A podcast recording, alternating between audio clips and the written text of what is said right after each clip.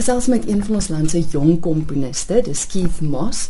Keith, en jy gaan te sien wees by die Wakkerstroom Musiekfees. Dis my eerste keer. Die eerste keer wat Ja, jy daar dis is. reg. Wat dink jy van die fees? Dink jy dit bied vir julle as kunstenaars 'n ideale geleentheid? O oh, ja, definitief. Dis ehm um, dis 'n voorreg om daar so te wees en o oh, ja, dis nog 'n geleentheid om te speel. Ja, dis nog 'n fees in die land wat cool is, ja. En wat spesifiek net fokus op musiek en klassieke musiek. Ja, dis reg. Keith, jy speel klavier en jy speel cello en jy's 'n komponis. Hoe het dit gebeur dat jy besluit het jy wil 'n komponis word? Sjoe. Nou, dit was eintlik in my laaste jaar vriend 'n vriend van my het getrou. En toe ek gedink ek ek kan vir hom 'n trougeskenk maak. Ek kan vir iets klein skryf. Mm -hmm. En nou dit was dit net in die sterre geskryf. Ek wou dit gedoen. Loop jy konstant met musiek in jou kop rond? En moet jy dit dadelik neerskryf of word jy 3:00 die oggend wakker en word skielik kry skielik 'n bevlieging Oh. of hoe hoe hoe, hoe is jou skryfproses? Nee, ek ek wens dit was so maklik en so cool, maar ja, vir my dis ek stry bietjie eintlik met my kop. Dit is eintlik harde werk vir my. Ja, so ek moet ehm um, wat gebeur met my proses is ek ek dit dit sit net daar so die gedagtes van die kom, die komposisie wat ek wil skryf en dit vat lank en my vriende sê ek maak klaar nou en maak klaar en dit kom nie en dit kom nie maar as ek dan as ek sit na 'n paar weke of wat ook al dan kom dit net. So vir my is dit ja, 'n bietjie van 'n lang proses in my kop en dan maar ek hoor niks nie. Ja. Is daar goed wat jou inspireer? Is daar iets wat byvoorbeeld gebeur, jy sien dalk iets en en dit maak dat jy kan verder gaan of Ehm um, ek moet sê dat ehm um, as ek iets soos live doen, as ek weet vir wie ek skryf, mm -hmm. dan daar's 'n konsert en daar's um, 'n mens wat 'n speler wat fluit speel en klavier of wat ook al, dan weet ek vir wie ek skryf, dan is dit al hoe makliker om 'n stuk te skryf. Maar ek sit no eintlik nooit nie en skryf net. Mm. Ja. Maar ehm um, gewoonlik gebruik ek gedigte om meer of stories om meer te begin. As jy vir die luisteraars moet verduidelik min of meer dit wat jy wat jy komponeer, watse tipe musiek is dit? Ek sou sê dis nuwe klassieke musiek, maar daar's 'n groot verskeidenheid in daai titel. So ehm um, uh, die tipe musiek wat ek skryf kan vir die nuwe musiekmense, hulle sou sê dat my musiek is baie tradisioneel. Mm -hmm. So dis eintlik tradisionele klassieke musiek, maar ek probeer om bietjie bietjie borders nou te stretch as ek wil, ja. Dit moet seker ongelooflik moeilik wees. Ek meen daar's so baie bekende komponiste. En hier kom jy, jy is in vandag se tyd moeilik om in hulle voetspore te volg. ja, definitief. Jy moet net op Wikipedia gaan en en bietjie komponiste daar inskryf of gaan soek en dan sien jy die lyse en lyse vol name en jy dink ek wel ek is net 'n naam in die hele oseaan van al hierdie mense. Hoe gaan ek nou deur alles tref? En ja, dis moeilik en dis dis ontsettend ehm um, bedompig, ja. Mm. Dit moet seker 'n geweldige uitdaging wees. Ek meen jy loop met soveel musiek in jou kop rond. As jy nou gaan en jy komponeer iets, loop mens nie partykeer die gevaar om van die ander musiek wat jy al gespeel het en van ander komponiste by jou werk O ja, te werk definitief. Ja, definitief. Want dis as 'n musikant eers en dan 'n komponis later, mm -hmm. is jy jy's 'n bietjie exposed na alles wat jy hoor en wat jy speel en dit sit jou gedagtes. Vir alles jy 'n kind is, al daai stukke wat jy gespeel het jare lank sit in jou kop, dis in jou dis in dis in jou siel, dis in jou liggaam en ehm um, so ek dink dis dit maar vir alle komponiste dit beïnvloed wat jy skryf en jy moet nou 'n bietjie daaroor stry om seker te maak dat jy nie ehm um, kopie of wat ook al. So dis 'n doelbewuste besluit wat jy moet doen om te dink. Ja, jy moet jy moet daaroor dink en, en dit vat ja, 'n paar jare om jou styl nou te ehm um, ontwikkel. Mm.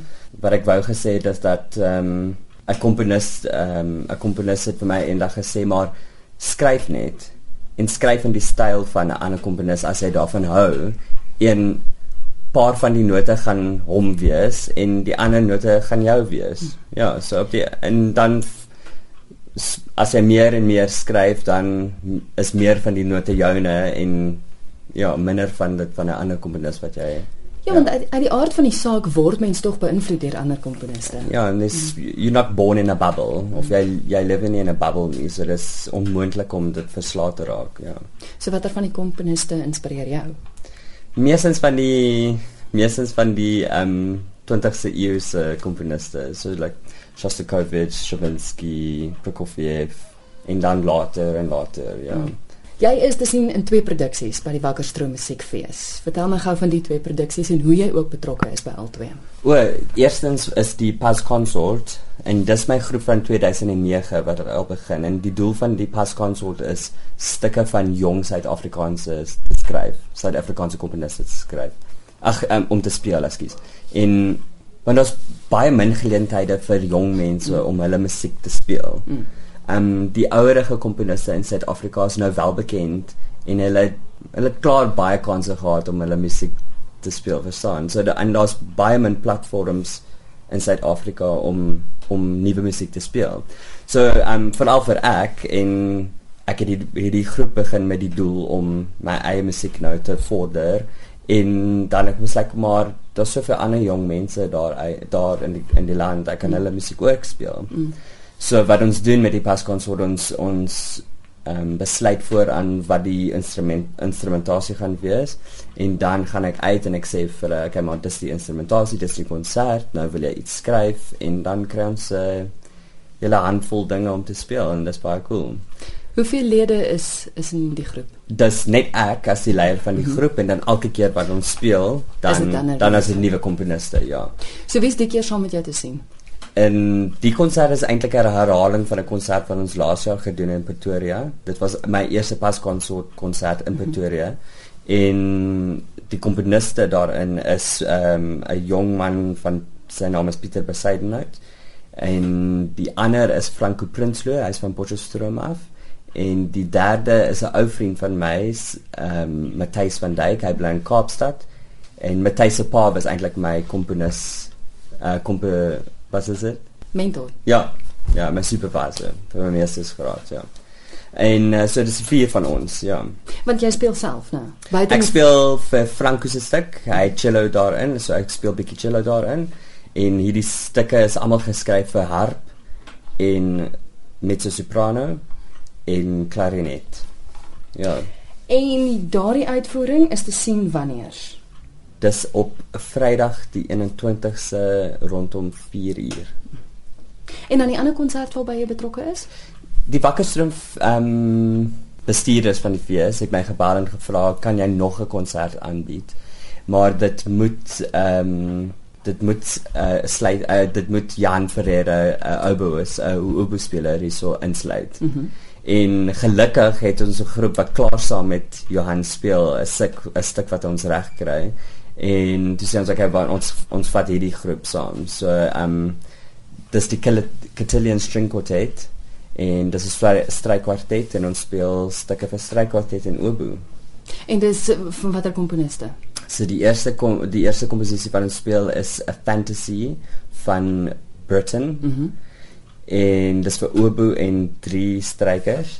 En nadat dan speel ons The Emperor Quartet van Haydn en na dit dan speel ons 'n quintet dis vir die hele kwartet saam met oboe by Finzi Gerald Finzi. En dan ek het die geleentheid gevat om 'n nuwe stuk te skryf vir al vyf van ons. En this called Khan. En dis oor die Khoisan mense. Oor die god van die Khoisan mense. En die konsert is te sien Saterdag 12:00 dis hy. So laaste vraag. Wat is jou grootste droom nog? Wat sou jy graag nog wil bereik ek wil 'n Academy Award wen. Jy kan pas dit wat ek gedoen het, maar ag, ja nou, nou dat ek ouer is, dan jy word bietjie meer jaded vir so 'n nee. die lewe is bietjie harder en sulke dinge. So nou ek is gelukkig met die dinge wat my ja, wat my tref. Moenie op uit droom nie en as jy hom kry laat weet wanneer ja, jy met jou kan gesels. cool. Keep bye, dankie. Dankie.